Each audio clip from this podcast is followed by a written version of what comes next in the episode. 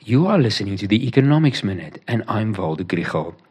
The NWU Business School published the latest Policy Uncertainty Index figure on Friday. Policy uncertainty is when there is uncertainty about government policy or its consequences.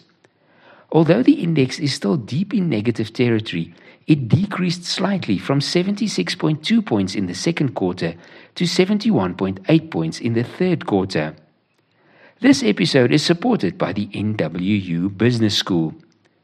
The factors that contributed to the improvement include the slightly better than expected economic growth rate of 0.6%, as well as the improvement in a number of high frequency indicators of business confidence.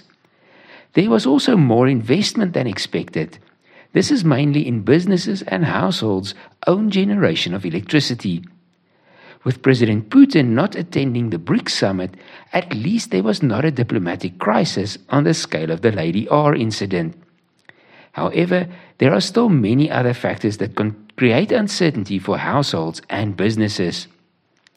For example, whether inflation and interest rates will remain high for longer, the state of the Chinese economy, as well as all the other challenges that Eskom and Transnet present us with.